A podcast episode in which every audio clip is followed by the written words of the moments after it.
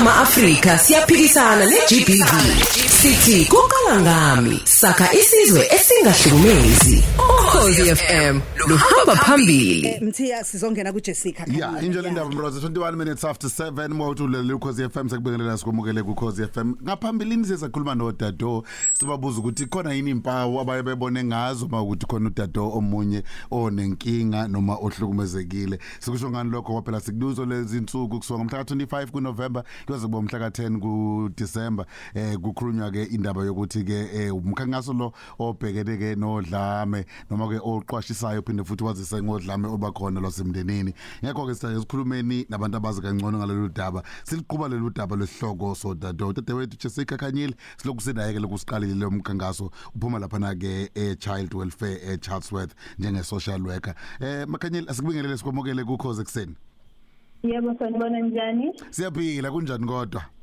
Siyaphila ngiyanqena nje ukuvele nivele ningifake lapho vele ngisebenza Yazi nani ngicabanga wani. ukuthi vele Woza. Sinike contract bene desk lakho la Lewutha sineni mama. Angitende kodwa uyanqena rivele usuku nempahla zakho uhlala la la. Hawu, eh no girl no. Siyajabula ukuthi ngiphinge ngikhulume nani namhlanje futhi ngiyathemba ukuthi nabalaleli nabo baheba right bayaphila. Siyabonga kakhulu lathi kujabula thina. Manje ngifuna ukubheka indaba. Akaze uma bazwile nodado. Baye bakhuluma baqekebula la. Eh mhlawumbe Mbroza awuthi ngimlalisa ababili nje babo eh ezisiqala siqhubeka. Kamana andumrozi kamana usimpinga ngashaba idlala endaweni yasendlabeni ngifuna encaka kumbani school. Ngifuna u-34 class teacher memberu i-principal member Timbani Anthe namhlanje ingane ehlukumezekile uyibone ukuthi ihlale yodwa ihlezi ikhala mawuthi ayikhulumisa ithuke isambulula lokho. Mina ngicabanga ukuthi kumele ubize amaphoyisa. Sabona Antum Rosa Malumusigameza igama lami ngusamukela isibonga Akhumalo ngifunda eMpucuko Primary School ngihlala eMhlongo Farm. Uclass teacher wami uMiss Njokwe. Uprincipal wami uMr Cele eh Antum Rosa ansana namhlanje. I- us- umbona ngokuthi umfundi o o ohlukumezekile mbona ngokuthi ahlale yedwa angahlali nabanye abantwana ashaya abanye abafundi ngoba naye bayamchaphaza usuke sehlalele ehlale eyi-one engabe saya kwabanye abafundi odlala nabo. Ngiyabonga.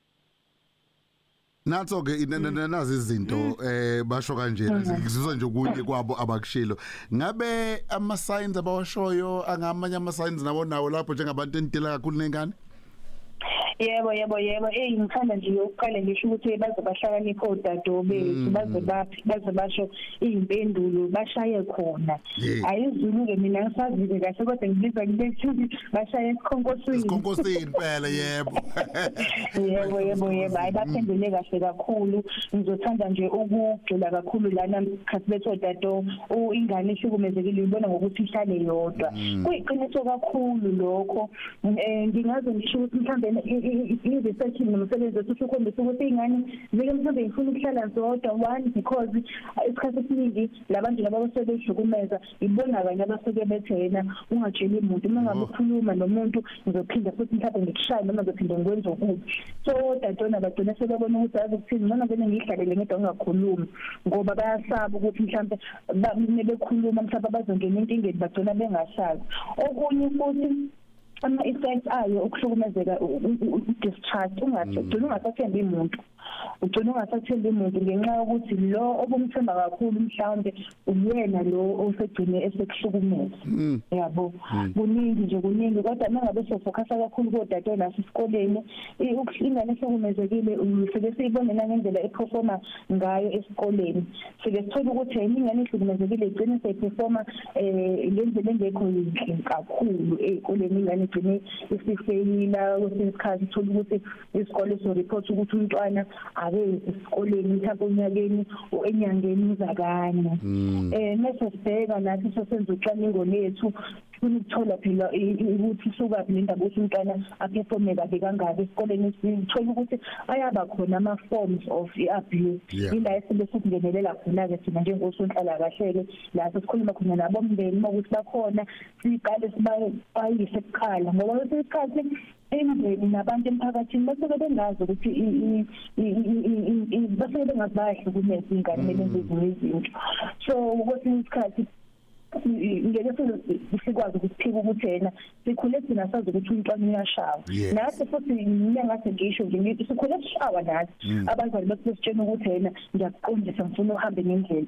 But seyishintshile iy'khathi namhlanje. So umsebenzi wethu nesonhlala kahle ukuthi siyabafundisa abazali ba-engage kwama-parenting skills program. La sibachazela khona ukuthi ingane mengabe uyishaya ngoswazi hhayi ngoba usuke uyidiscipline kodwa in most cases ku- kube wesho kugcineni sekutheni ingane usuyayi-abuser wena mzali ubona ukuthi ingane uyayifaka emgqini kanti ngokomthetho usu- usuyayihlukumeza yabo. Jessica ikhona indlela e- e- e- e- engingakwazi ngayo? Eh, ngizama ukubuka nje umlaleli olalele njengamanje. Uyayibona into esho ngodado uyayibona ama signs washo engakwazi ukuthi ngim engage ngayo lo muntu ngaphandle kokuthi ngiphinde ngimenze a- agodle information angafuni ukukhuluma.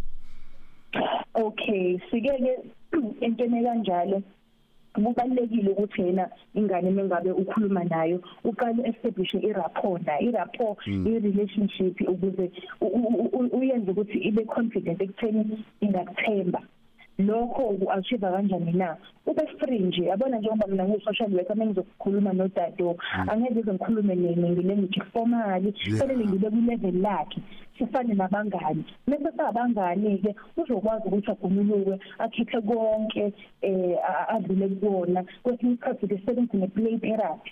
Play therapy or unikeza ingane udoni noma unikeza ingane i- iphepha nepeni idode ingane uyilidele ukuthi uma phela nawe uyazi ufuna uku-achieve ini ufuna ukuthola ini. Ingane igcine sidweba i-situation njengoba injalo isichaza bese siyabona ukuthi oh hayi shuthi kwenzeke u-one no-two no-three bese siyangenelela-ke kanjalo. Yazi isikhathi sohlala siphoxa njalo ngiyafisa sivale ngendaba yokuthi abanye bagcina bebe nento ebona ukuthi mhlambe iphutha lami imina engenze lokho U- u- yini? Ku- ku- kumsebenzi wami njengomzali njengami njengengane enye njengothisha osekreportwe kuye ena noma ubani umind eyingane ukuthi ay- ayinike leyo assurance lokho leso siqiniseko ukuthi akuyona eyenza iphutha ngalokho kwenzeke kuyena. Yebo kubaluleke kakhulu lokho. Yikho nasey'koleni sike senze nama-program nothisha. Sibaxwayisa ukuthi imntwana meseriphothile i-abuse. Awumusa ukuthuka udlule yena. Ngoba uma ngabe uthuka udlule yena umntwana ilana segcina sebona ukuthi eyi shuthi mina mhlawumbe khona kuyimini into engiyenzile wrong noma imini i-cause uyabo? So sike sigcizelela ukuthi yena ungasesonke isikhathi umntwana mengabe report ngisho ngathi umzali Eh, lalela in a calm manner. Ungaphakamisi um- um- imizwa ungaphakamisi izwi lalela. Ayikho into ebalulekile njengokulalela ingane. Ikubone ukuthi yena iya- iyazwakala. Ayikho into ebalulekile ukuthi iy'ngane zizizwe ziyibone futhi zibalulekile zi- zilalele. So sike sithi nje kubalulekile ukuthi yena u- u- ube non-judgmental ungamjaji umntwana ungathi umntwana mengabe report kwenzakaleni mese wena uthi wenzeni wena ukuthi kuze kwenzeke lokho. Yo. ngalalela nje kuphela. Jessica isikhathi siyaphoxa mthungu elakho lokugcina nje ungafuna ukuvala ngalo kulona udaba lwethu namhlanje. Engingafuna nje ukuthi ngivale namhlanje ukuthi yena njengoba sasikhuluma zonke lezi iy'nsuku eh asikadeni indlela esenza ngayo thina sabazali. Abazali abagade indlela abaphethe ngayo iy'ngane. Most of all abazali abagade iy'ngane. Othisha ey'koleni sike sibagcizelele nasesena i-responsibility yabo nabo ukuthi begade iy'ngane meyisesikoleni siqikelele eh, ezigadeni iy'ngane ngoba iy'ngane ziyikusasa lethu. Ngizovala nje lokho nje okwanamhlanje nanokuthi futhi eh, kwama-perpetrators ngoba u-GBV nawo sobe sikhuluma nama-perpetrators. Siyabanxusa ukuthi mawukuthi kuney'nkinga ababhekene nazo ezibenza ukuthi yene bahlukumeze ngoba kunesisho esithi hurt people hurt people. Abantu abahlukumezekile noma abantu abahlukumezeka isikhathi esiningi bake bahlukumeza abanye abantu. So siyabanxusa ukuthi abayithole usizo ukuze sizoyiqeda le nto lena yokuhlukumezeka kwabantu besifazane nengane nabo abantu besilisa futhi. Siyabonga kakhulu ukuthi benathi ku Cause FM Jessica namhlanje. Yebo siyabonga nisale kahle. Jessica Khanyile lo cause FM uyi social worker ne child welfare eh Chatsworth. Esikhuluma ngendaba ke child line and family treatment unit eh yena nkosi ke akuyona leyo esibheka ke indaba ke yokuhlunyezwa kwabantwana. Khumbula ukuthi udaba seqaleni no dado beyisho lo bona. Yizo ukuthi bawazi kanjani ama sign anti eh ukuthi babona ngani. Khona umunye uzowambuza wathi useke wambona yini? Uthi akazi ambone. But banaleyo idea yokuthi yini. Angithemba ukuthi akufunda ba odade kuphela. Nathi ngabazali khona okuningi esikufunda. Ulalela uDJ Stemela. noRosa njalo ngomsombuluko kuya kulesihlanu kwivuka Africa Breakfast Show.